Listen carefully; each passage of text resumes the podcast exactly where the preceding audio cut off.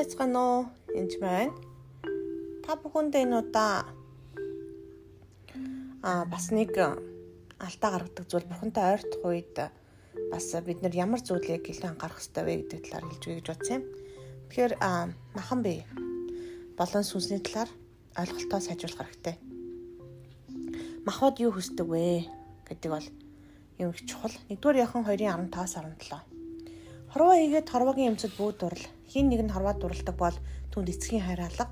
Учир нь хорвоод байгаа бүхэн тухайлбал махбодын өсөлт ачаал, нүдний өсөлт ачаал, амьдралын бардамнал нь эцгээс бус харин энэ хорвоогоос юм. Хорвоо хийгээд түүний өсөлт ачаал өнгөрнө.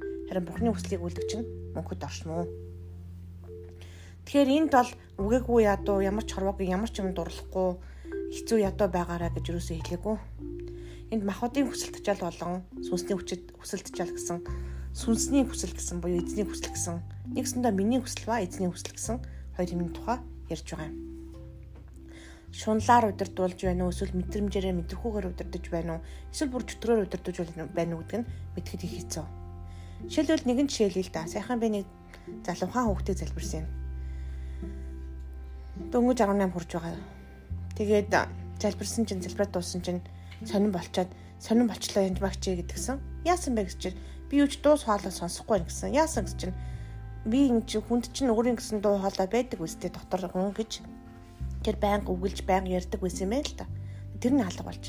Гэхдээ тэр дуу юу хийлэгдэг байсан бэ гэсэн чинь дандаа буруу зөвлөөр удирддаг байсан байгаа. Тэгээд хэлсэн наа чи минь дүү чи биш байна. Харин ч муу нэгэн байна Тэгээ дандаа дуу хоолой сонсохгүй дотор хүний дуу хоолой буюу ариун сүнсний дуу хоолой дотроос буюу амдар үг мэддэж мэдэрдэг байгаа.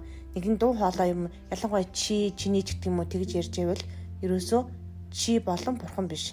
Харин өөрийгөө хүн чи гэж ярихгүй зү чи ямар мундаг юм бэ гэж эсвэл хит өнгөр өнгөргож дүгийлгэх чи энэнтэй байх хэрэггүй чи энтэй энэгүй чи чадна дээ нэг гэж тийм үү улам бардамлыг дэгүүлэх эсвэл одоо чи чадахгүй чи хинч биш чи юу ч биш чи буруута чи хийхстэй ажлыг хийсэнгүү гэх мэтлэн чи гэсэн дуу хоолой явж байгаа бол дандаа бурхан биш. Энэ та өрөөч бас биш. Яагаад гэвэл хүн өөрийгөө чи гэж хэлэхгүй бурхан ч гэсэн буруутгадаг бурхан ерөөсөө биш.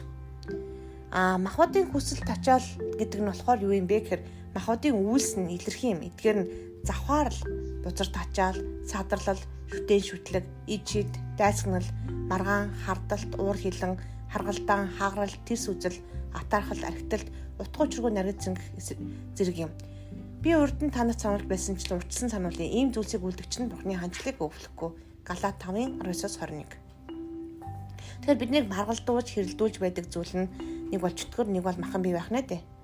Тэгэхээр уур хилэн, харгалдаан, хааграл, тэрс үзэл, атаархал, архиталт, утга учиргүй нарийн гэх Та энэ бүхнийг зүйлхийг хийж байгаа бол таатай нэгэ тагидан хаях хэрэгтэй гэсэн үг. Үнэхээр та өөрөө ганцаараа хайж чадахгүй байвал эзний бизнес гуйж бол энийг хаймаар байна. Надад туслаач гэхэд бурхан шууд тусалдаг. Харин хаймааргүй дургүй биш өөрөө дуртай байх юм бол энэ бүхэнд бурхан тусалж чадахгүй. Би үнэн хэллээ. Бурхан ядвал таны хүслийг байнга сонсдог. Нөгөө хүүхэд нь хамаг эд хөрөнгө аваад яваад өгье гэж хэлэхэд аав нь явуулж л орхидог. Тэгээд өстө эд хөрөнгийн үрээд ялангаа алдаад явж яхад наав нь харж л байдаг. Энэ бол их төвчээр шүү. Үр хүүхчин муу мухаа бузар зүйл таны хүснээс буруу юм хийж яхад хар цогцдог аав гэдэг бол үнэхээр төвчээртэй аав. Тэгээ буцаад буруудаад ирэхээр аав одихоол гүмс хувцгүй болчлаа туслаач гэд буцаад ирэхээр нь буцаагаал миний хөө гэд авчдаг аав. Бурхан бол тийм л аав. Гэтэ Гала 5:9-ыг уншиж өгье. Учир нь махбод сүнсний эсрэг хүсдэг. Сүнс махбодын эсрэг хүсдэг юм Юун гэвээс хүссэн юмсыг чинь хийлэхгүй тулд махад сүнс нэг нэгнээ эсрүүцдэг ажээ. Хэрэг та нар сүнсээр удирдуулдаг бол хуулийн дор эс байна. Харин махуудын үйлс нь илэрхий юм. Тэгээ энэ бүхнийг түрүүн сая хэлж өгсөн. Тэгэхээр юу вэ гэдэг тэгэхээр бид нар сүнс махад хоёр баяндаа хоорондоо тэмцэлтэй байдаг гэсэн. Алийг тийж гэнвэ тэр нь л явна. Тэгээ сүнсээр өсөх үед махуудыг хүсэл тачаалыг дэрэн дагналдаг байгаа. Гэтэ махуудын хүсэл тачаалаас гадна жишээлбэл архиталт гэдэг юм дээр архиталтын дон бол муу сүнстэй холбоотой дээр нь гарч суучаад хөдөлгөхгүй байлгахаас илүү тэр архитлын донг хөгсдөө гэсэн үг. Харин тэр дон цэвэрлэгдсэн дараа учиргүй архитаа тагаралдаа дуур хилэн болоод байх нь зөвтэй зүйл биш гэсэн үг. Тэгэхээр нарийн сайн ялах юм бол бас нэлээд их юм байгаа шүү. Гэтэ ямар ч лээсэн ихний ээлжинд таныг юу ойлгосоо гэж хүсэж байна вэ гэхээр махад сүнсний эсрэг хүсдэг. Тэгэхээр махбодын хүсэл юу вэ гэдгийг сайн уншиж ойлгороо.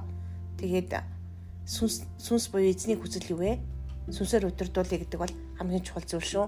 Сүнсээр сүнсээр эзэн рүү ойртож ойртох тусам та сүнсээр өдөрдүүлдэг бөгөөд тэр махбодын хүсэл тачаал нэг дарамт зовхгүй санаа зовхой болчдөг.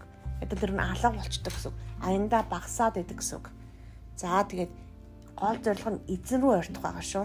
Энийг өөрөө одоо хүчээр хийх гэж оролдох юм бол тийм ч амархан зүйл биш. Тэгээд хүчээр биш харин хайраар хийх ёстой. Бухны хүчээр хийх ёстой өөрийнхөө хүчээр биш. Тэгээд танд амжилт хүсье. Баярлалаа.